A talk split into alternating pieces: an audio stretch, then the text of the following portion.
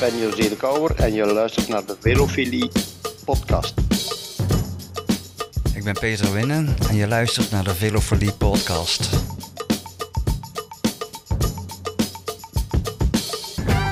De Velofilie podcast.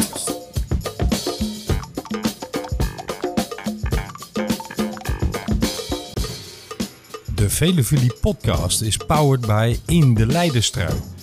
De wielerwebsite voor het laatste nieuws, originele content en belangrijke informatie over alle wedstrijden. In de Leidenstrui.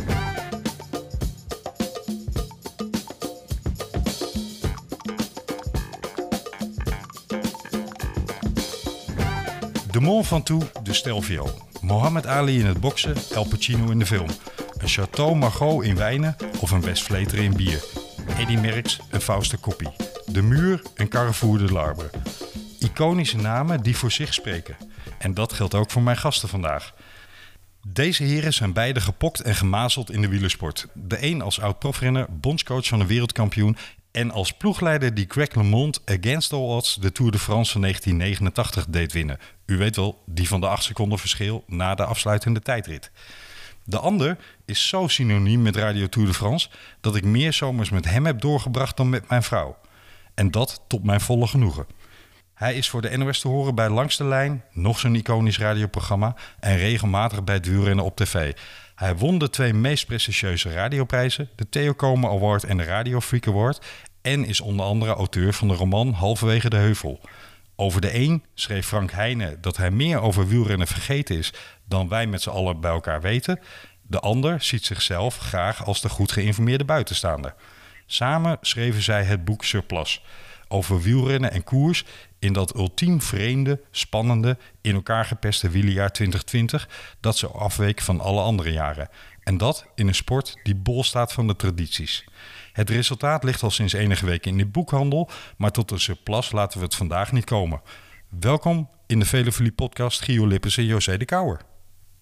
Ja, dankjewel. Ja, dankjewel, inderdaad. Het is mij uh, een buitengewoon genoegen dat jullie te gast willen zijn en dat we met elkaar over jullie nieuwe boek Surplus kunnen spreken. Daar gaan we zo even uitgebreid op in. Maar eerst wil ik natuurlijk de vraag stellen: hoe gaat het met jullie? In België gaat het goed, met mij gaat het goed. Alleen in België gaat het niet goed, ondanks alles, maar uh, met mij gaat het goed.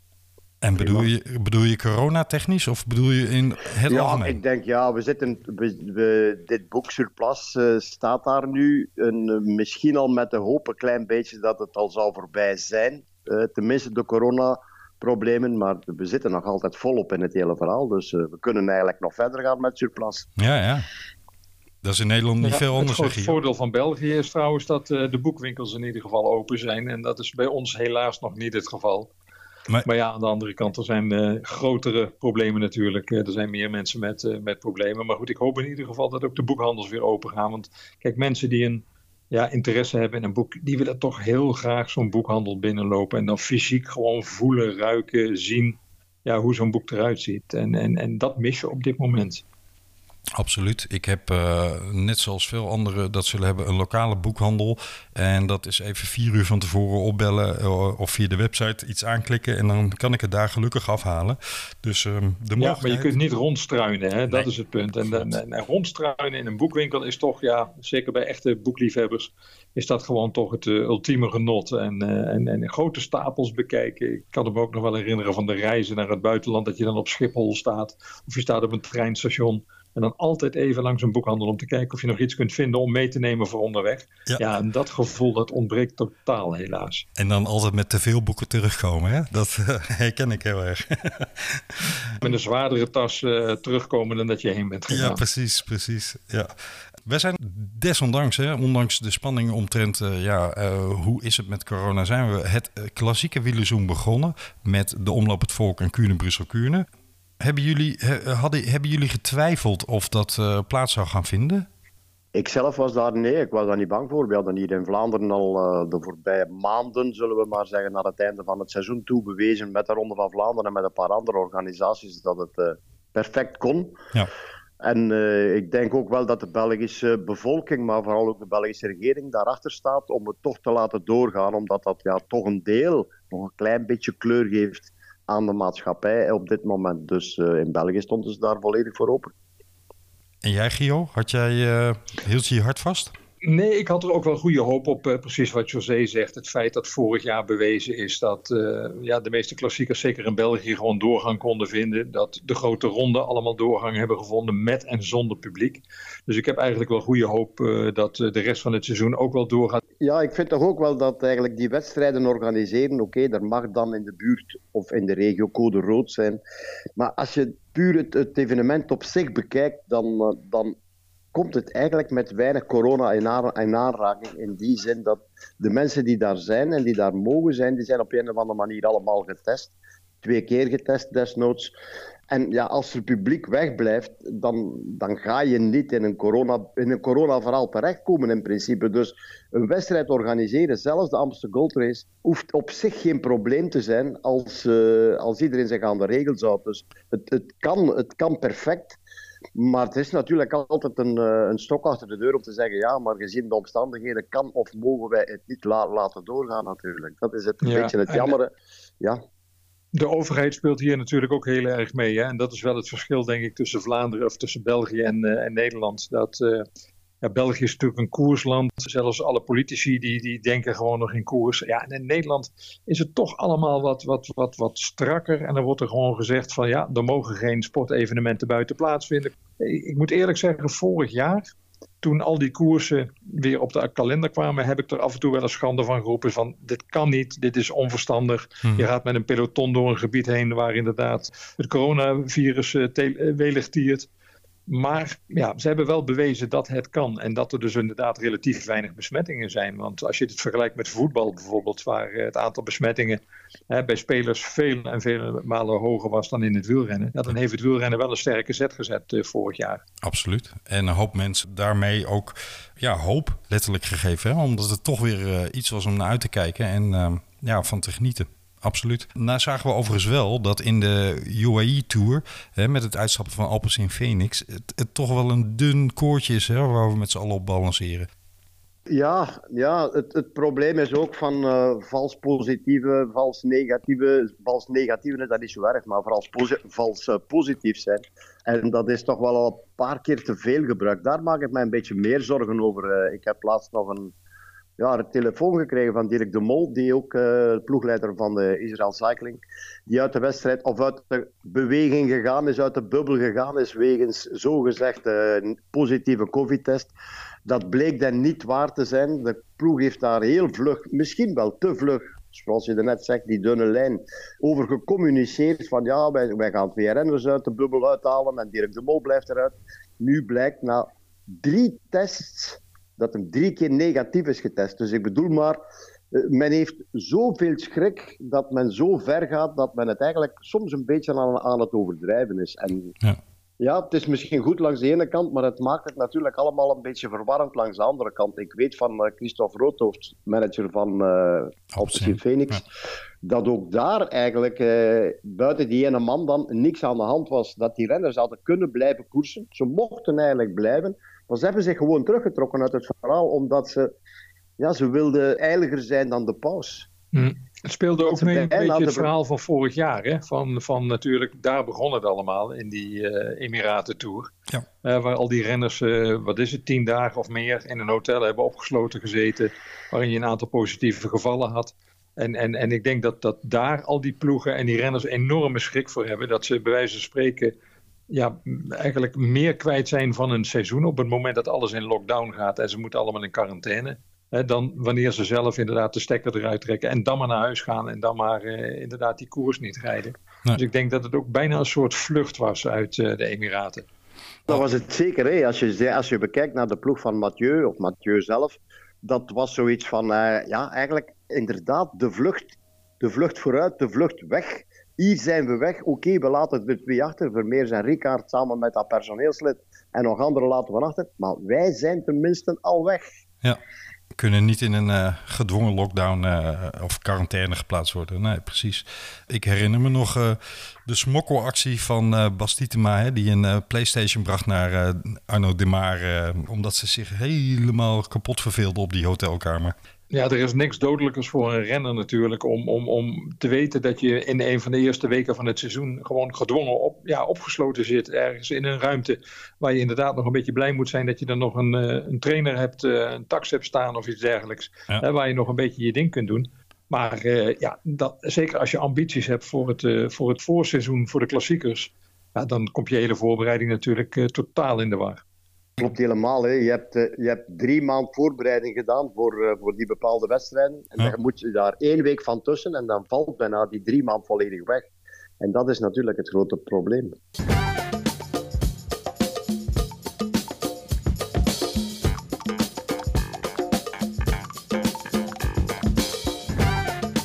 we, we, zagen het ook bij, uh, in het tennis, hè, bij de Australian Open. Um, ja, dat, dat het qua voorbereiding en, en op sportevenementen nu toch echt heel anders is.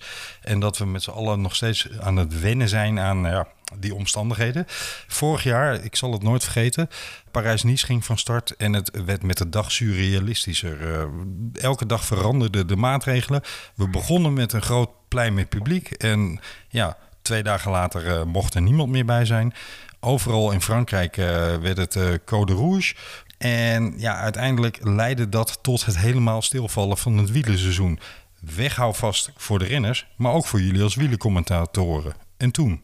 Ja, nou ja, toen, toen begon het allemaal. Hè? Toen begon ook de gedachte zeg maar, aan het uh, boek. Ja. En, en, en het idee zo van, nou, dit is zoiets bijzonders waar we nu in één keer in terechtkomen. Dit hebben wij nog nooit meegemaakt. Hè? Ik bedoel, behalve wereldoorlogen is er altijd overal gekoerst. Ja, en in één keer staat alles stil. En dan ga je nadenken van, ja, wat nu? En toen kwamen we inderdaad op het idee om, uh, ja, om, om, om, om die gedachten op papier te gaan zetten. Tenminste, ik had het uh, idee eerst van, uh, ik, ik ga gewoon een soort van dagboek bijhouden. Ik belde José. Die bleek eigenlijk met hetzelfde bezig te zijn. Die, die, die maakte ook aantekeningen van wat er allemaal gebeurde. Ja, en zo is het begonnen. En uh, ja, ik, ik, ik, ik kan je wel een klein stukje voorlezen uit het boek. Een, een, uit een van de eerste hoofdstukken, waarin eigenlijk gewoon precies staat wat wij op dat moment voelden. Graag. Nou, het is maart 2020. De deuren gaan op slot. Het wielerseizoen staat op instorten. Wedstrijd na wedstrijd verdwijnt van de kalender vanwege een virus dat zich als een veenbrand over de wereld verspreidt. Het kan een paar maanden duren. Het kan een jaar duren. Het kan een eeuwigheid duren. Niemand weet of er nog gekoers gaat worden, maar dat lijkt bijzaak. Er zijn grotere problemen in de wereld. Precies, zo was het ook, hè? Ja, dat gevoel. Ook van, je weet gewoon dat natuurlijk ja, dat het levensbedreigend kan zijn, dat, uh, dat, dat het hele land op slot gaat, dat de hele wereld zo'n beetje op slot gaat. Ja, dan merk je inderdaad dat de koers maar een heel klein onderdeel natuurlijk is van dat totaal. Maar goed, voor ons is het gewoon wel heel belangrijk. Want ja, José en ik en, en alle andere mensen die daar in het wielrennen werken en rond het wielrennen werken, ja, die zijn er wel normaal gesproken dag en nacht mee bezig. En dat was een van de belangrijkste dingen die ik me besefte van, je leeft altijd op de kalender. Je leeft ja. altijd op de agenda. Hè? Ik bedoel, als bij wijze van spreken de, de nieuwe wielerkalender, en die ziet er eigenlijk altijd hetzelfde uit als de oude wielerkalender. als die bekend wordt met de exacte data, dan meteen zet ik alles in de agenda als de tourschema's bekend worden, meteen in de agenda op de dag zelf. Dus eigenlijk ben je continu vooruit aan het leven van, oh ja, dan is dat, dan is dat. Je weet gewoon, een seizoen zit altijd, of een jaar, zit gewoon eigenlijk altijd volgens hetzelfde principe in elkaar. En dat valt in één keer weg. En dat is, voor ons is dat raar, maar voor die renners moet dat natuurlijk helemaal verschrikkelijk zijn. Ja, jullie beschrijven ja, dat uh, prachtig ja. in het boek. Uh, ja, hoe die vervreemding tot stand komt. Hè? Uh, José, kan jij daar ook iets over beschrijven? Ja, inderdaad. Hè. Zoals uh, Gio er net zegt, ja, je, je, als het Pasen is, dan is het de Ronde van Vlaanderen. Mm -hmm. Is, is Pasen er nu door de Ronde van Vlaanderen of is de Ronde van Vlaanderen daar door Pasen? Dat is een ander verhaal. Maar als Pasen is, of in de buurt van pa dan is de Ronde van Vlaanderen en niet anders. Ja. En een week nadien is het Parijs-Roubaix en niet anders.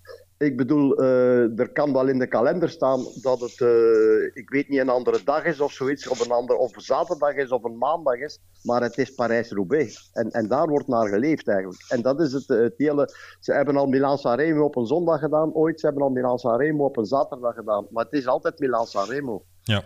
En, en uh, voor ons, alleen voor, voor degenen die in de wielrennerij leven, maakt het dan niet uit of het nu een zaterdag of een maandag is. Het is Milan Sanremo. En dat is het hele rare verhaal, dat dat nu allemaal, of tenminste vorig jaar, in één keer allemaal wegviel. Uh, je was een beetje de alvast kwijt, je was een beetje de... Ja, je wist begot niet meer of het maandag of zaterdag was.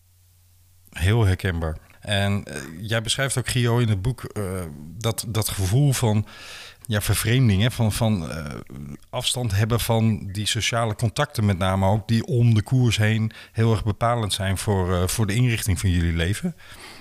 Dat, dat moet... Ja, dat klopt. Nee, en het gekke is natuurlijk dat we het wel hebben meegemaakt nog eventjes aan het begin van het seizoen. Dat beschrijf ik ook dat de Omloop het Nieuwsblad. Ja, dat we daar met z'n allen daar in het Kuipje staan, uh, de, daar bij de wielerbaan in ja. Gent de piste. En, en, en, en ja, dat daar duizenden mensen rondlopen. Fans natuurlijk. Hè, maar de bussen van de ploegen stonden daar. De renners stonden daar. Alle collega's, alle journalisten uit, uit heel Europa. Die komen daar bij elkaar. Ja, en, en daar leek nog alles normaal. Hè, want dan krijg je nog gewoon de gebruikelijke begroetingen na zo'n winter. Dat je elkaar niet gezien hebt. Hè, dat je elkaar een beetje een soort mannenomhelzing geeft. En, en, en, en niemand dacht eigenlijk van... Oh jongens, dit kan wel eens heel gevaarlijk worden. En dat gaat dan zo verschrikkelijk snel. Hè? Een week later inderdaad Parijs-Nice. En dan gaat die laatste etappe niet door. En dan gaan al die wedstrijden in één keer niet meer door. Ja, dan merk je gewoon hoe snel zoiets kan escaleren. En, en, en, en ja, dat, dat is inderdaad een super vervreemdend gevoel.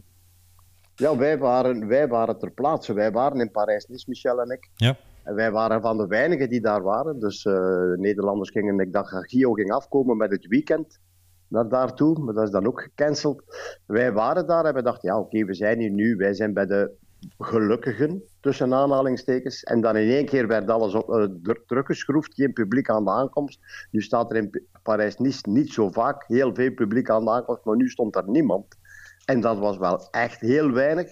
Dan kom je toch in een soort oorlogssituatie terecht waarbij je denkt, is dit nu oorlog? Is dit is dit, is dit nu de realiteit of, of, of ben ik aan het dromen of een of ander ding? En dan krijg je donderdagavond krijg je dan de, de bericht van, uh, vanuit Brussel. Uh, jongens, uh, kom maar naar huis. Draai de wagen maar om en je hoeft niet verder te rijden, kom maar terug. En dan rijd vanavond nog een stuk. Doe morgen voormiddag de rest en dan kunnen jullie morgen namiddag de wedstrijd becommentariëren vanuit Brussel. En dan rij je terug en dan denk je, ja maar we rijden weg van de koers. Dat kan toch niet? Hmm. Dat is ons nog nooit, maar dan ook nog nooit overkomen. Nee. En toch zit, zit je in die situatie. En dan kom je in Brussel terecht. En dan in één keer staat daar handgel en in één keer zijn een deel deuren, uh, die zijn er gewoon uitgenomen om, om, om niet de, de handvaten te moeten vastnemen. En dat soort gedoe. En, en je wordt een beetje behandeld alsof je van een oorlogsmissie terugkomt. En dan denk je, maar dat is hier ook, ze zijn hier ook al zover. Ja. Dus ja, en dan ga je het s'avonds terug, sta je terug thuis. Dan moet je bellen van, ja, je moet mij komen oppikken, want ik sta nu in Brussel. Hoe je bent in Brussel? Ja, ik ben in Brussel. En dan begint er een ander soort leven. Ja, ik, uh, ik weet nog dat Jumbo-Visma afzei voor uh, Parijs-Nice... en dat ik bij mezelf dacht, nou, is dat niet een beetje overdreven, mensen? En ja, een week later dacht ik, nou, die hadden toch een iets voorzienender uh, blik dan ik had. Maar dat er ook positieve dingen uit dit soort negatieve situaties kunnen ontstaan, blijkt uit jullie boek Surplus. Uiteindelijk heeft de UCI ook nog. Uh, ja, ik ben niet zo heel erg uh, prijzerig over de UCI. Ik ben niet zo heel erg fan van de UCI. Of althans van het gevoerde beleid. Maar dat ze toch weer een kalender tot stand wisten te brengen. Ja, dat verdient nog steeds lof. En ja, in 100 dagen hadden we ineens bijna elke koers die we gemist hadden en die we nog in het vooruitzicht hadden, hadden we staan. Van de Tour in september tot Vuelta, die in november.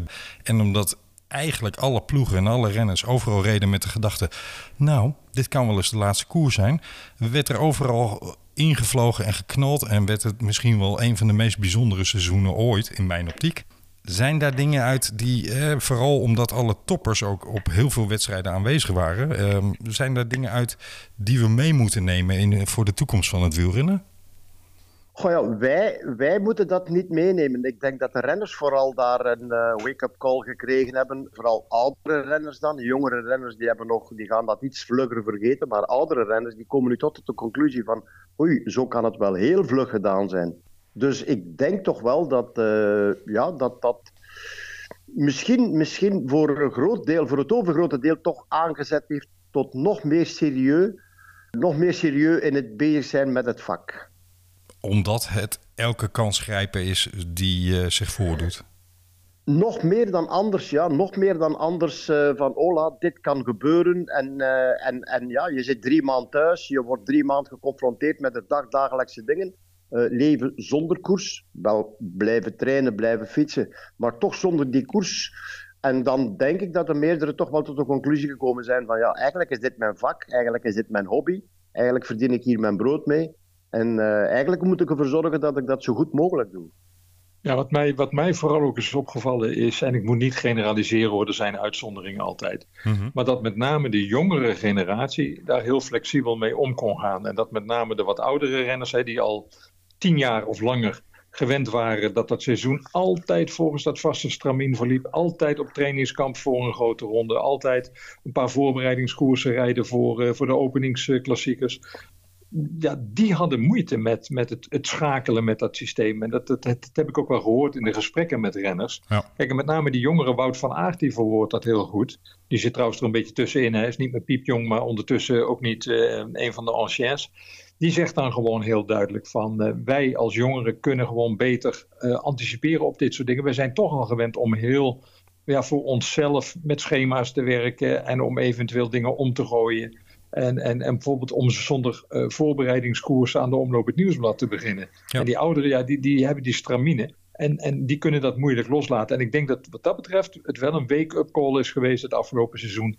Voor met name de wat gevorderde renners, dus de renners die al uh, zo'n beetje rond de 30 zijn, dat die echt erachter zijn gekomen van ja, je moet je gewoon flexibel opstellen. Want inderdaad, het kan iedere dag de laatste dag zijn dat je koerst. En je kunt in één keer met een omgegooid schema te maken krijgen dat je ineens klassiekers in het najaar moet gaan rijden. Ook nog eens keer een omgekeerde volgorde. Hè? Beginnen met uh, Luik, Bastenaken, en eindigend met, uh, nou ja, de Ronde van Vlaanderen in dit ja. geval, omdat Parijs-Roubaix uitviel. Maar dat zijn toch dingen, ja, daar, moet je, daar moet je gewoon mee schakelen. En, en je ziet het ook aan de, de winnaars, uh, de, de, de mannen die vorig jaar zich van voren hebben laten zien. Pogacar, hè? piepjong, wint de Tour. Mark Hirschi, Krak Andersen, nou noem ze allemaal maar op. Uh, Evenepoel, allemaal jonge jongens die zich eigenlijk gewoon als een vis in het water voelden in dat hele vreemde seizoen. Ja. Ja, komt er ook nog eens bij dat heel veel oudere renners samen met hun entourage heel veel fouten gemaakt hebben gedurende corona. Uh, zijn blijven trainen, zijn er blijven vol tegenaan gaan, hebben zich volledig gesmeten in dat virtuele koersen. En wat blijkt, dat al diegenen die daar, zo'n Greg van Avermaat of een Oliver Naassen, mm -hmm. die zich in de Ronde van Vlaanderen helemaal uit de naad hebben getrokken, tegenover diegenen Wout van Aert en anderen die, die bewust vanuit het team, vanuit de ploeg, uh, aan de kant zijn gehouden en daar zeker niet aan meegedaan hebben, uh, dat die mannen het beter verwerkt hebben dan de, de anciens, zal ik maar zeggen, die uh, à la uh, Oliver Naassen, die dan het nodig vond om 350 kilometer te gaan fietsen. En Laurens de Vrezen, die bij wijze van joke 11 uur op de home trainer ging zitten. En iedereen wilde nog gekker doen dan de anderen. Ja. ja. om duizend likes te krijgen. En uiteindelijk uh, is geen van die mannen nog bo boven water gekomen. Dus ook dat, denk ik, is voor velen een les geweest. Het is wel heel gek. Er is wel één jongere die, uh, die zich ook een beetje vergalopeerd heeft. En dat is niet de minste. Hè. En die sloeg later ook weer keihard toe natuurlijk in de Ronde van Vlaanderen. Dat is Mathieu van der Poel. Hè. Ja. Die had ook in het begin van de lockdown veel te gretig getraind. Veel te veel gedaan. Waardoor die echt ja, onderregeld werd uh, uiteindelijk toen het seizoen eenmaal echt begon. En dat merk je vooral in het begin van het seizoen. Hè? Strade Bianca, wat was het? Uh, Milaan Sanremo, nou overal. Hij kwam overal net tekort in, de, in die eerste paar weken, maand van het seizoen. Ja. Uh, pas later kwam het allemaal wel weer goed in de, in de Ronde van Vlaanderen. Maar, maar, dus zelfs een jonkie kan daar nog een fout in maken. Uh, ja, dat heeft daar natuurlijk ook te maken met de, de gretigheid van zo'n Mathieu. Die, die, die, ja, hoe zou ik het zeggen? Hij is coachable, hij is trainbaar, maar het is toch nog een ander type dan Wout van Aert. Die volgzaam, uh, ja, alles volgt wat er moet gevolgd worden. Mathieu is en blijft een uh, Mathieu. En dat heeft hij uh, het voorbije weekend nog, nog maar eens bewezen. Zoals Adrie van der Poel dan zegt, hè? dat is matje.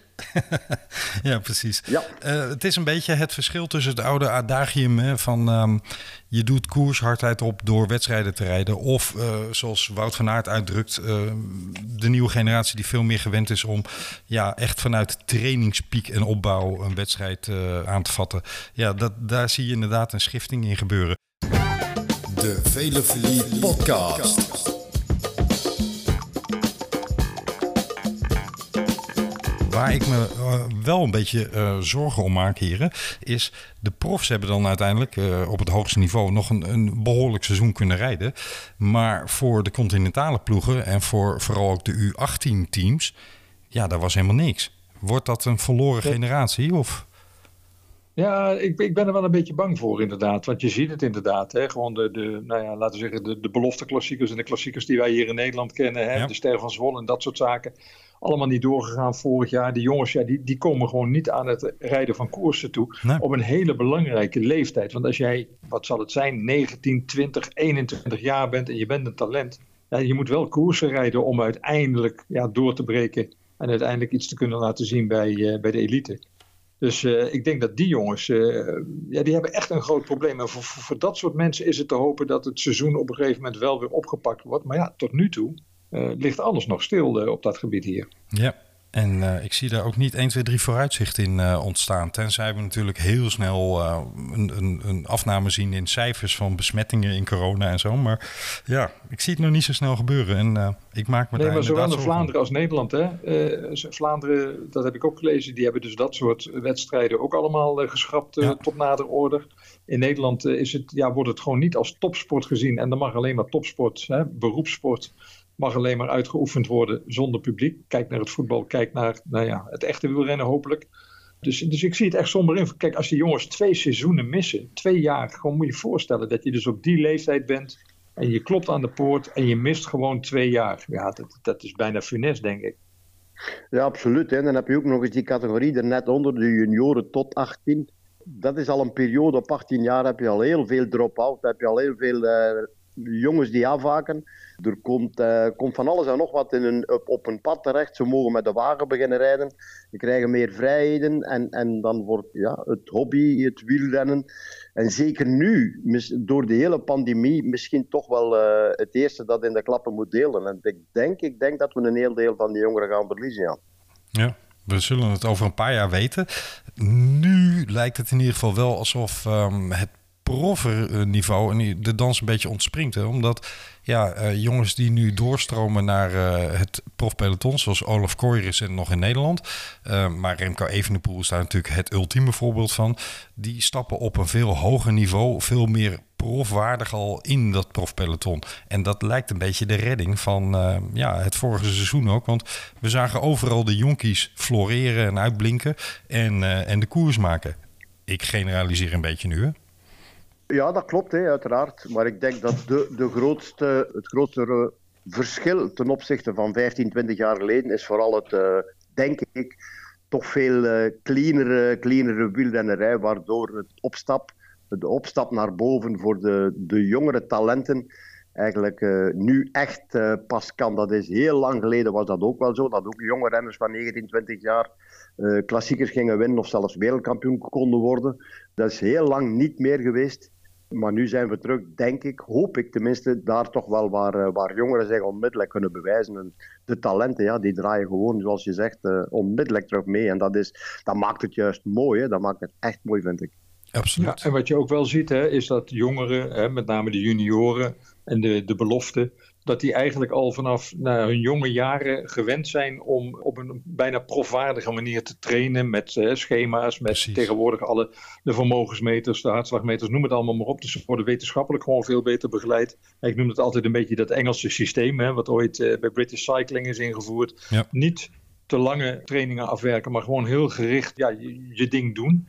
En, en, en op het moment dat je daaraan gewend bent en je stapt over inderdaad van de junioren naar de belofte en daarna van de belofte naar, uh, naar de grote mannen, ja, dan is die stap gewoon veel kleiner. Dus die jongens die zijn veel beter voorbereid op het profleventje dan dat ze dat vroeger waren. En, en, en dat is wel enorme winst eigenlijk. Ja, en zoals je daarnet ook zei, de, de, de, het verhaal van Remco Evenepoel heeft eigenlijk een, eh, een, een stroomversnelling uh, doen ontstaan. Uh, er zitten nu jonge, jonge renners bij, bij Bora Hans Groen, 18-jarige junior, ja. heeft daar een profcontact getekend, uh, Sian Uitenbroek. En nog een deel anderen hebben ditzelfde verhaal, Simon Quins, nog een deel anderen zijn van bij de junioren rechtstreeks naar de profs gegaan tenminste toch een, een, een stage, geen stagecontract, maar een tweejarig contract, waardoor ja, die, die talenten enorm snel worden opgevangen. En dat, uh, ja, dat is voor die man alleen maar fantastisch. En als je dan ziet, voorbij weekend met Olaf Kooi, Ja, oké, hij neemt dan de binnenbocht aan de voet van de Molenberg. Dat gaan we hem vergeven. Maar, maar toch, goed, toch goed mee in de wedstrijd. En dat, dat, dat, dat is eigenlijk voor mij nog het belangrijkste voor allemaal. Naar die jongeren toe. Dat degene die daar op, misschien thuis zitten te kijken voor de buis. En twijfelen van moet ik nu nog verder doen of niet verder doen. Dat dat juist de prikkels zijn om te zeggen. Ja, maar ja, als die dat kan ik was toch niet zo ver achter in de buurt, dan moet ik dat ook kunnen. En, en dat, is, dat vind ik juist heel mooi dan. Ja, je zag het ook in de omloop met die Noren. Hè? Want die, die ploeg, dat Uno, dat viel me ook enorm op. En er was dan zo'n jonge Wiedekaart, hè? die jongen is ook 22 en uh, Europees kampioen bij de belofte. Ja, die, die maakt toch ook echt mee de koers. En, en, en inderdaad, Olaf Kooi is een goed voorbeeld. Ik vind, ik vind het gewoon wel heel leuk om, om ineens weer nieuwe gezichten te zien in de koers. En te denken van, potverdorie, die kunnen ook een beetje rijden. Absoluut. Ja, en dat, uh, dat kittelt er weer aan de, aan de voetzolen van die Van Aert, of van die Van, die van Avermaat en Oliver Naassen en anderen. Nou, nou moet ik ja. wel zeggen, um, vorig jaar hadden we natuurlijk de doorbraak van Mark Hirschi. En daar maak ik me nu toch wel een tikje zorgen over. Met de recente gebeurtenissen. Een paar keer uit een koers teruggetrokken die vreemde transfer van uh, toen nog Sunweb, nu DSM, uh, naar uh, Team Emirates. Ja, dat, dat zijn geen toestanden waar ik nou weer op zit te wachten. Daarentegen is Remco Evenepoel juist weer dat positieve signaal wat jullie beschrijven. Maar die had natuurlijk vorig jaar wel die, die vallende ronde van Lombardije behoorlijk carrière ingrijpend. Komt dat goed, denken jullie? Want het is natuurlijk de future star van het wielrennen. Ik kijk meteen naar José. ik, uh, ja, wel. Uh, ik heb uh, bij de, de, de, het contract ondertekenen van Remco Evenepoel bij Patrick Lefebvre gezegd: nu moet Patrick Lefebvre zijn examen doen. Hij moet nu een examen afleggen om dit tot een goed eind te brengen. Dus om hem niet te, van alles en nog wat te, te laten doen. Er is, Patrick heeft nu zelf toegegeven: ik heb, wij hebben een fout gemaakt. We hebben een fout gemaakt door hem te gretig te laten zijn en hem te veel zijn ding te laten doen. En dat krijg je natuurlijk als je een supervedette in je ploeg hebt. Mm-hmm. Dan ga je die toch extra ja, uh, voordelen geven. Je laat die meer zijn ding doen. Dat zie je bij Sagan, dat zie je bij anderen, dat zie je bij elke ploeg eigenlijk een beetje die toch van de, in het verleden. Meer, ja. ja, zijn ding laten doen. Zo van ja, oké, okay, het is eigenlijk niet 100% juist, maar we zullen wel zeggen, we zullen het maar laten toelaten. Want anders gaat misschien wel, wordt hij misschien wel opgevrijd door een andere ploeg. Dus we moeten hem toch aan boord houden. Dat is nu ook gebeurd met Remco Evenepoel. En ze hebben die gewoon te gretig laten zijn ding doen terug. En dat vlugger, veel vlugger iemand moeten zeggen, vooral van de medische staf, van Ola, stop, stop, stop. Dit is nog niet volledig in orde. Je moet, je moet wachten. Je gaat niet fietsen, je gaat niet op stage naar Spanje, je gaat niet... Dat hebben ze nu ingezien, de ploeg. En nu hebben ze alles terug op nul gezet. Terug op nul gedraaid. En nu denk ik dat ze wel begrepen hebben dat zelfs een, eh, een Remco Evenepoel op tijd en stond moet uh, teruggefloten worden. Ja. Tot uh, de Giro gaat hij niks meer aan koers doen, heeft hij gezegd. En uh, er zijn geloof ik wel twee hoogtestages, of zijn die nu ook uit, afgeschreven? Nee, ik denk het niet, maar vooral ook hier in Vlaanderen. En dat is het probleem van Vlaanderen als je dat zo kunt stellen, de, de, de wielergekte, de druk die op zo'n jonge kerel van 20, 21 jaar wordt gelegd. Van mm -hmm. uh, ja, Remco gaat de Giro winnen. Ah, ja, natuurlijk gaat Remco de Giro winnen. Oeh, Remco gaat de Giro niet winnen. Ah, natuurlijk moet Remco de Giro winnen. Ja, en dat was te ver aan het gaan. En dat is mij nu toch een klein beetje door die, door die ja, dat, dat even terugdraaien, toch een klein beetje nuchter erin geworden. Van ja, eigenlijk, ja. ja. Zo vanzelfsprekend. Is dat allemaal niet? Toch een klein beetje de Nederlandse mentaliteit overgenomen. Hè? Eindelijk. Ja, maar ik moet ook zeggen, uit de broek heeft al een beetje van die, uh, van die druk uh, op zich gekregen. Hè? Dat, dat is nu uh, de, de nieuwe opkoming. Ja, dat is hier in België niet anders met, met Ilan Paul Wilder. Hè? Ja, dus nog zo'n jonger talent dat ja. bij DSM zit, ook die wordt alsmaar vergeleken met Remco Evenepoel. Ja, dat kan niet, hè? dat mag niet, dat mag niet. Maar hoe meer je dat zegt in Vlaanderen, hoe meer ze net de andere kant uitkijken. Ik herinner me heel goed, heel goed. Hij werd weer, Remco Evenepoel werd wereldkampioen in, uh, in Innsbruck. Twee keer wereldkampioen. En uh, ja, ik volgde hem, ik kende hem vrij goed. Ik kende zijn ouders goed en, uh, en nog wat. En, en ik zei daar op televisie, nu moeten we hem vooral gerust laten. Ja. Men moet die jongen gerust laten en niet te gek mee doen. En op de VRT bij ons zei men bij Sporza, ja dat is waar. Ja, we moeten hem echt gerust laten. Maar hij moet nog één keer bij ons komen. Maar ik zei, nee, we gaan hem rust laten. En ja, maar ja, nee, toch nog één keer bij ons. Niet bij de concurrentie, maar toch nog één keer bij ons. En zo denkt iedereen, nog één keer bij ons. nog één keer bij ons. Ja, dan, dan, ja, dan houdt het niet op. Hè.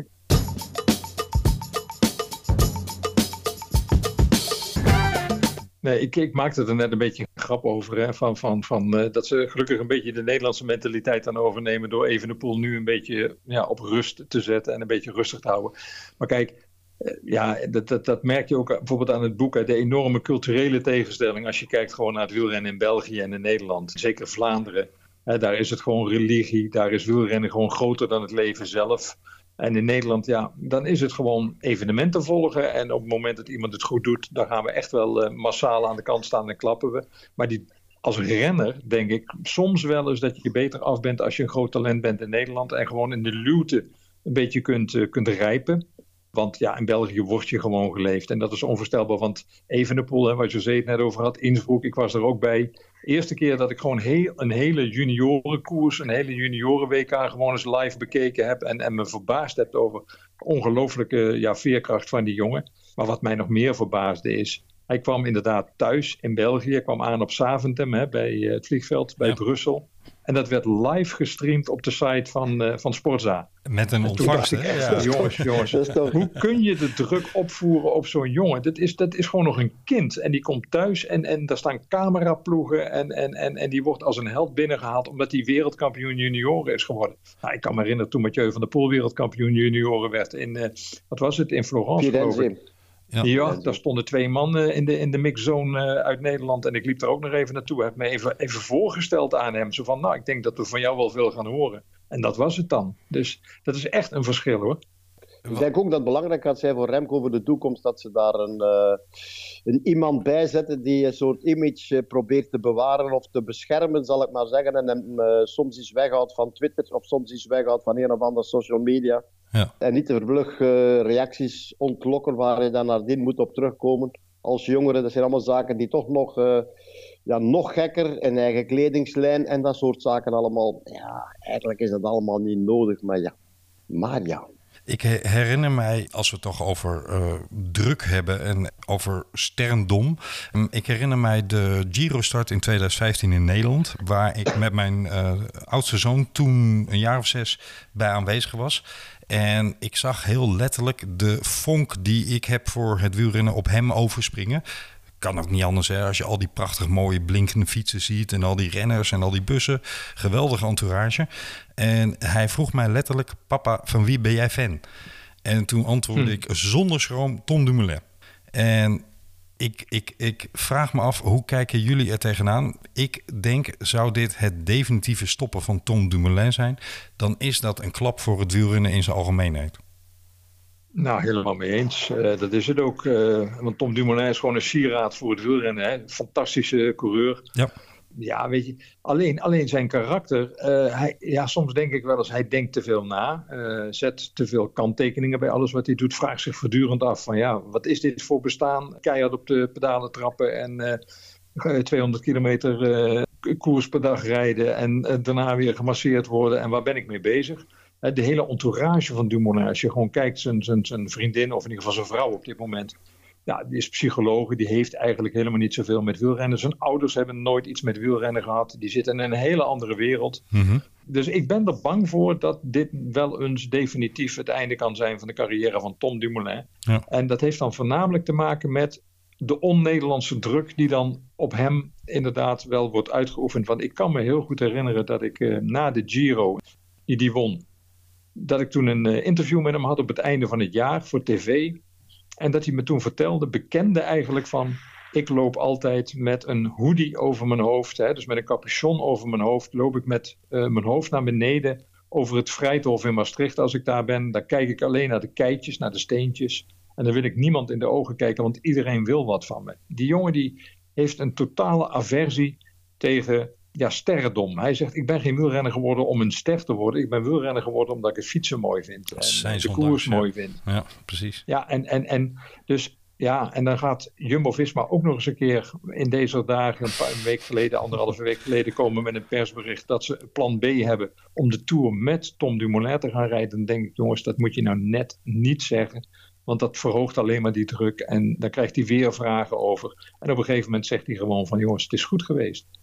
Ik weet, José, dat jij ook wel gecharmeerd bent van uh, de, de figuur Dumoulin. Is, is Tom Dumoulin een voorbeeld uh, in, in de wielenwereld? Niet wat betreft zijn twijfel, maar wat betreft zijn profhouding, zijn voorkomen in het wielrennen? Ja, ja absoluut. Het was een, uh, ja, een, een, een, ja, echt een product dat we, dat waar de wielrennerij alleen maar van kon smullen. Hij ziet er goed uit, was stilist op de fiets, uh, kon recht toe, recht aan een verhaal vertellen. Vond ik goed, ja, perfect. Echt een, uh, een ideaal product om, om, om reclame mee te maken als je het zo bekijkt. Mm-hmm. Langs de andere kant vind ik het een, uh, hoe zou ik het zeggen, het stoppen van Tom Dumoulin toch ook voor, voor heel veel andere renners zoiets van, ja, zitten wij misschien ook allemaal niet een beetje ergens tegen iets aan waar we niet goed mee weg kunnen? Uh, moet het inderdaad allemaal zo strak zijn? Niet iedereen kan dat aan. Uh, ik denk dat we daardoor een. Uh, uh, bijvoorbeeld de reactie van een Mathieu van der Poel, die, die niet Wout van Aert is, in de zin die, die meer ja, zijn eigen ding wil doen, die toch wil gaan mountainbiken, die er ja, op een andere manier met wielrennen omgaat, om niet in het verhaal van Dumoulin te belanden denk ik dat dat een beetje de reden is. Uh, omdat gewoon Mathieu niet anders kan leven, niet anders wil leven. En dat is maar best ook. Mm-hmm.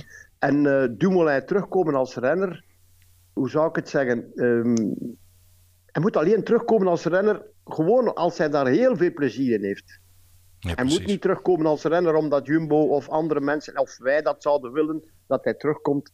Want dan zou dat alleen maar jammer zijn. En dat zou het verhaal nog nog zwartgalliger maken, vind ik. Dat zou helemaal niet, niet, niet, niet goed zijn. Ik, vind wel, ik vind wel, als hij beslist van ik stop met wielrennen, ik stop nu echt met wielrennen, dat hem daar dan eens een, uh, ja, zijn, zijn gevoel zou moeten kunnen uh, laten blijken en zeggen van kijk, dat is nu exact de reden waarom ik gestopt ben. En dan denk ik dat heel veel mensen zouden begrijpen, supporters of niet-supporters, gewoon wielerliefhebbers, die zullen begrijpen van hoe, hoe zwaar dat bestaan als, als wielrenner eigenlijk wel is. En dan zeker als je daar ergens bovenaan staat. Kijk, wielrenner zijn je uitvoeren ergens in de middenmoot, dat lijkt mij nog het gemakkelijkste. Maar wielrenner zijn helemaal aan de top en daar moeten blijven. En zoals Gio er net zegt, misschien, en ik heb het ook al vaak gezegd, misschien net niet dom genoeg zijn, maar dat is een fout woord, om, om dat allemaal dat tussen die twee smalle lijntjes te blijven kleuren en er nooit eens niet buiten te komen, ja, dat moet verschrikkelijk moeilijk zijn. Dan ben ik even kwijt wie, maar in, in Surplus uh, heb jij, Gio, daar ook een uh, gesprek met iemand over. Hè? Die zegt, een van de profrenners van Jumbo-Visma volgens mij, die zegt... je bent eigenlijk als wielrenner 365 dagen per jaar geconcentreerd en vol in de focus op dat vak. En dat... Ja, Mike Teunissen zei dat. Mike die, Teunissen, die, die, vertelde dat in het begin van de lockdown inderdaad. Hè, eh, want die reed dan wel nog de omloop het nieuwsblad. En uh, daarna, nou ja, Parijs-Nice ging voor hem niet door, omdat de ploeg daar niet reed. Toen zou hij volgens mij het Italiaanse programma rijden. Nou, die wedstrijden gingen niet door. Trouwens, Jumbo trok zich daar ook van terug. Toen zou hij nog eventueel de Ronde van Trente gaan rijden. Dat viel ook weg. En toen zei hij echt van, ja, ik merk nu wel eigenlijk voor het eerst dat ik weer een beetje ontspan. En dat ik, want zelfs in de wintermaanden, dus op het moment dat je, dat het seizoen klaar is. En dan ben je toch alweer bezig meteen met het volgende seizoen. Dus je, houdt rekening met eten, je houdt rekening eigenlijk met alles eromheen. Hè, dat je toch nog gezond blijft leven, dat je toch nog nou ja, een beetje je programma afwerkt. En dat hoefde dus in één keer niet meer. En, en, die zei dus inderdaad van, goh, wat zijn we eigenlijk in een tredmolen bezig, gewoon 365 dagen per jaar eigenlijk altijd met dat vak bezig. En uh, ja, dus, dus, dus er zijn wel meer renners die dat beseffen. Ja, en voelen. Ja, precies.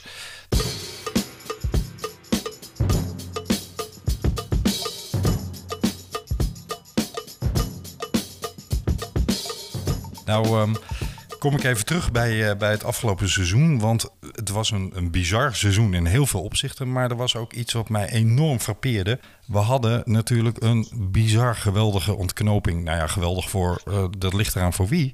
Maar van de Tour de France. Um, Jumbo-Visma en uh, zullen daar verschillende visies op hebben. Maar het deed mij enorm, enorm herinneren aan... ja, in mijn ogen misschien wel een van de meest legendarische Tour de France alle tijden. Die van 1989. En laat José daar nou de ploegleider geweest zijn.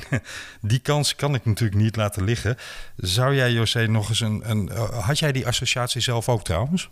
Ja, ja, absoluut. Ja, ja. Ik heb de tijdrit becommentarieerd en ik zat daar te kijken. En na, na de eerste tussentijd had ik zoiets van, oei, dit herken ik. En ik, ik wist onmiddellijk, ik wist onmiddellijk, er staat ook een stuk in dat boek, van uh, hoe men daar in de volgwagen nu bij Jumbo-Visma zou reageren. Van verzorger of mechanieker die daar in de wagen zit, eventueel nog een trainer daarbij, een coach die daar achter het stuur zit. Uh, iemand die langs de kant van de weg staat, vol verwachting, met borden, met tijdsopnames, met alles en nog wat. En in één keer, dat is allemaal positief, dat is allemaal roze geur en maneschijn, alles is klaar, die hele fiets is klaar, alles is klaar. En dan in één keer komt die eerste tussentijd 10 seconden kwijt. Oei, dat kan toch niet? En ik weet niet of die mannen dan aan 89 dachten, maar ik wel. Hoogstwaarschijnlijk zullen de meesten daar nog te jong voor zijn. Hmm. Maar uh, bij mij kwam onmiddellijk de reflex van: dit is niet goed. Dit moet onmiddellijk terug rechtgezet worden. Want als de tweede tijdsopname nog slechter is, dan is er een, een, een probleem. En ja, en dat, uh, dat ging van kwaad naar erger. En als je dan uiteindelijk het meest tragische beeld van wielrennen vorig jaar was de bovenkomst uh, bovenop de top op La Planche Belfië van, uh, van Roglic, die ja, die, die eh, tussen twee paaltjes die een meter uit elkaar stonden niet, niet tussen kon. Nee. Knieën wijd open, armen wijd open. Het zag er niet uit en dat typeerde, dat beeld is volledig ja, de, de, de ondergang van Roglic daar samen met de ploeg. Volkomen verwilderd op de fiets. Zo zag het eruit. Ja, ja. ja, uh, ja. En, en ook een. een uh, als je later dan de docu ziet van uh, Jumbo, dan. dan Code geel, ja ja, dan kan ik mij voorstellen, dan kan ik mij voorstellen wat, ja, kan ik mij bijna niet voorstellen, maar ik kan het mij wel voorstellen, omdat ik het tegenovergestelde meegemaakt heb, uh, wat het moet zijn om, om met zo'n soort uh, ja, euforie, bijna onklopbaar gevoel, waar ik toch wel een klein beetje vragen bij stelde van jongens, dat is allemaal goed en wel. En daar moet ik dan Dumoulin wel weer eren met de, met de uitspraak van ze vinden ons klojo's, we zijn verkeerd bezig, dit is niet goed.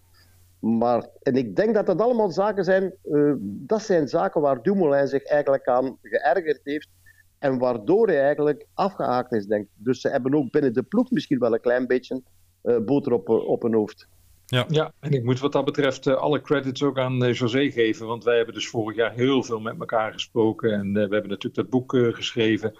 En, en hij voorspelde het eigenlijk al min of meer, ook tijdens die tour, van de, de, dominantie van Jumbo-Visma. Waar zijn ze mee bezig? Waarom dat spierballengedoe? Waarschuwde ook al vrij vroeg voor Pogacar. Volgens mij, José, al na de Sloveense tijdritkampioenschappen. Ja, van, wat die jongen daar heeft laten zien, let op. En uh, dat vind ik wel mooi, dat je dus uh, zo ver vooruit al kunt zien ja, dat er misschien wel iets heel geks gebeurt. En dan ook dus met dat geschiedenisverhaal van 89 gewoon in het achterhoofd. Want ja, Weet je, het, het, was net als een film waarvan je denkt van nou, we krijgen ongeveer zo'n einde. Hè? Het gaat ongeveer hier naartoe. En in één keer draait dat plot helemaal om. Een soort Stephen King uh, thriller. Ja, dat je denkt van wat gebeurt hier allemaal? Ja, en eerlijk gezegd, het was natuurlijk jammer dat de Nederlandse ploeg daarmee de Tourzegen kwijtraakt. En je, je kent natuurlijk veel van die mensen. En dat beeld van Marijn Zeeman die daar op dat stoeltje aan de kant van de weg zat en wegloopt en zegt alles, alles is naar de kloten. Dat was natuurlijk gewoon ja, ontluisterend. Maar ik moet eerlijk zeggen, als wielerliefhebber en als ook liefhebber van spannende films, zeg ik van uh, wauw, wat een ontknoping. Wat was dat een fantastisch moment eigenlijk. Het was een cadeautje voor het wielrennen. Dan als, ja. ja. als wij daar bijvoorbeeld in 89 met dat tijdrit naar boven zijn gekomen als voordeel, dan vind ik dat men, uh, ik ken Ellen Piper heel goed, uh, dat ze daar bij, bij UAE, bij de mannen daar van Pogacar, uh, bijna hetzelfde gedaan hebben met de fietswissel, de manier waarop ze dat gedaan hebben, de rust waarmee dat ging, het vertrouwen, uh, het gewin, wisten wat ze daarmee gingen uh, winnen aan tijd. En als je dan dat hele geknungel ziet met, met Roglic, ja, dan dat, dat typeert dat een klein beetje het hele verhaal. Dus er was toch duidelijk, ja, om niet te zeggen, heel veel stress mee, mee, mee gemoeid in die, laatste, in die laatste aanloop naar die laatste tijdrit. Er zitten, er zitten heel veel parallellen in. Het grootste verschil is wel um, dat Craig Mond natuurlijk terugkwam van een, uh, ik zeg natuurlijk, want ik, ik heb die periode bewust meegemaakt. Maar voor de jongere luisteraars van deze podcast, Craig LeMond kwam terug van een jachtongeluk. Die was twee jaar daarvoor, 1989, door een zwager vol met lood geschoten bij het jagen per ongeluk. Um, had in 1988 een volkomen mislukt seizoen bij de PDM, Nederlandse PDM-profploeg uh, gereden. Ja, en eigenlijk was hij bijna door uh, alles en iedereen in de wielenwereld afgeschreven. Die zien we nooit meer terug. Jij, José, was toen ploegleider bij de ADR-ploeg en jullie pikten hem op. Maar tot de Giro d'Italia 1989 reed Le Mans geen deuk in een pakje boter. En hij heeft later ook gezegd dat hij in de Giro zo slecht reed... dat hij serieus naar zijn vrouw opgebeld heeft en heeft gezegd... Ketty, ik ga ermee stoppen. Mijn, mijn profbestaan is over. Zij heeft hem blijkbaar toen overtuigd... En uh, ja, toen startte hij als, als een enorme underdog aan de Tour. Alleen niet in jouw ogen volgens mij, hè José? Ja, ik denk trouwens dat er nog iemand hem overtuigd heeft hoor. En dat is de man inderdaad eh, die je nu aanspreekt. Ja, oké. ja. Ik, uh, ik, ik, uh, ik, zal je zeggen, het hele verhaal speelde zich af in Rome. waar hij inderdaad halfweg de eerste dag rit aankomst op de, op de Etna verliest hem 6, 7 minuten. En er werd gesproken over de groep Le Monde. Er werd niet gesproken over groep 3. Het was alleen maar de groep, de groep Le Monde. Mm -hmm. Oké, okay, na, na 14 dagen, ja, 10 dagen koers is inderdaad die telefoon er geweest met Cathy, samen met die van Van Mol, dokter van, die toen bij mij dokter was, nu dokter bij de Koning Quickstep, hebben we daar een uh, ja, toch wel urenlange gesprek gehad. Het verhaal was dat Greg LeMond een, uh, een verzekering had, een verzekering waarbij hij een aanzienlijk bedrag kon opeisen wanneer hij stopte met koersen. Als gevolg van dat jachtongeval, dan kon hij ja, een miljoen of anderhalf miljoen of twee miljoen dollar gaan, uh, gaan krijgen. We hebben hem toch kunnen overtuigen omdat we toch beterschap zagen en uiteindelijk toch stilaan beter geworden is. -hmm. En uh, godzijdank heeft hij dan in die laatste tijdrit, in die laatste tijdrit waar ik hem aangeraden had om zonder afslagmeter te rijden, gewoon zo, gewoon als, als een amateur recht toe recht aan te starten en er vol tegenaan te gaan, nog niet gebruik maken van dat tijdritstuur dat we toen ook al bij hadden, maar niet gebruiken omdat het bracht niet veel op voor ons. En rijdt hij daar tweede in die tijdrit, uh, rijdt hij daar twee minuten, een minuut sneller dan de, de winnaar van de Giro, uh, Fignon. Fignon ja. En ja, dan was uh, ja, de supergrote uitspraak, I'm back, I'm back. Fignon moest nog rijden op het moment dat uh, Le Monde al lang binnen was, want die stond ergens 40ste of 50ste of zoiets in die, in die Giro. Dus wij konden perfect naar de koers kijken. Dat hebben we samen gedaan op mijn kamer. En dan, ik herinner me nog heel goed dat we er samen uit de minibar, die toen nog gevuld werd, nu niet meer. Uh, er eigenlijk nog een whisky gedronken hebben, met uh, om elkaar om de armen gevallen zijn, en, uh, of in de armen gevallen zijn en I'm back, ik ben terug. En op die, met die, die wetenschap zijn we eigenlijk naar de Tour vertrokken. Ja. Overigens was het ook een legendarische Giro vanwege de beroemde hongerklop van uh, Erik Breukink. Uh, waardoor hij die Giro verloor en uh, Vignon hem won. Mooi wielerjaar. Um, deze Tour deed daar weer aan herinneren. En wat dat betreft heb ik een positieve blik vooruit. Want ja, met Pocaccia zijn we nog wel een aantal jaren zoet, zullen we maar zeggen.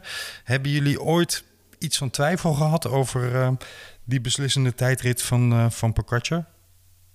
Nou, als je doelt op, uh, op, op gebruik van verboden middelen, nee. Um, maar net, ja, net zoveel en net zo weinig als bij wijze van spreken bij iedere andere prestatie. Hè? Want uh, ja. we hebben wel. Ik moet eerlijk zeggen dat ik na de, de, de bekentenissen van Lance Armstrong mezelf wel heb voorgenomen van ik ga nooit meer, voor welke wielrenner dan ook, mijn hand in het vuur steken. Dus dat zal ik in dit geval ook niet doen. Maar ik vond het nou ook weer niet zo ja, uitzonderlijk wat uh, Pogacar liet zien.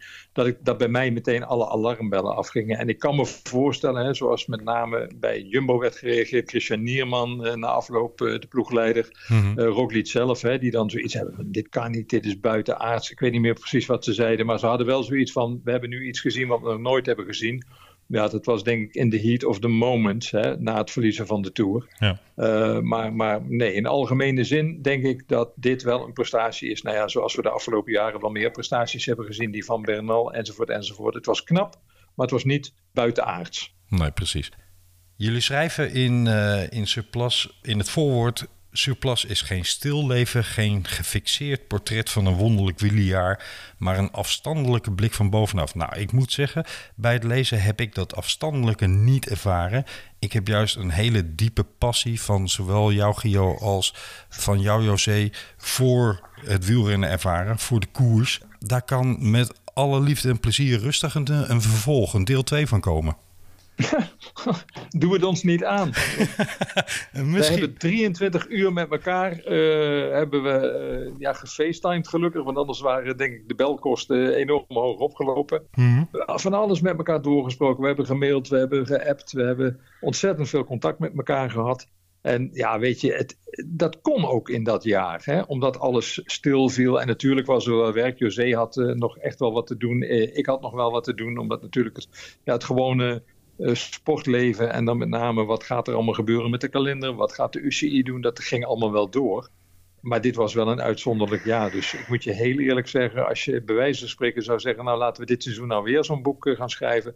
Maar dan weet ik niet of ik daar dan uh, de fut voor heb. Ik hoop eerlijk gezegd dat het seizoen zo druk wordt dat we er gewoon geen tijd voor krijgen. Dus ik weet niet hoe José erover denkt, maar uh, dat is een beetje mijn gevoel op dit moment.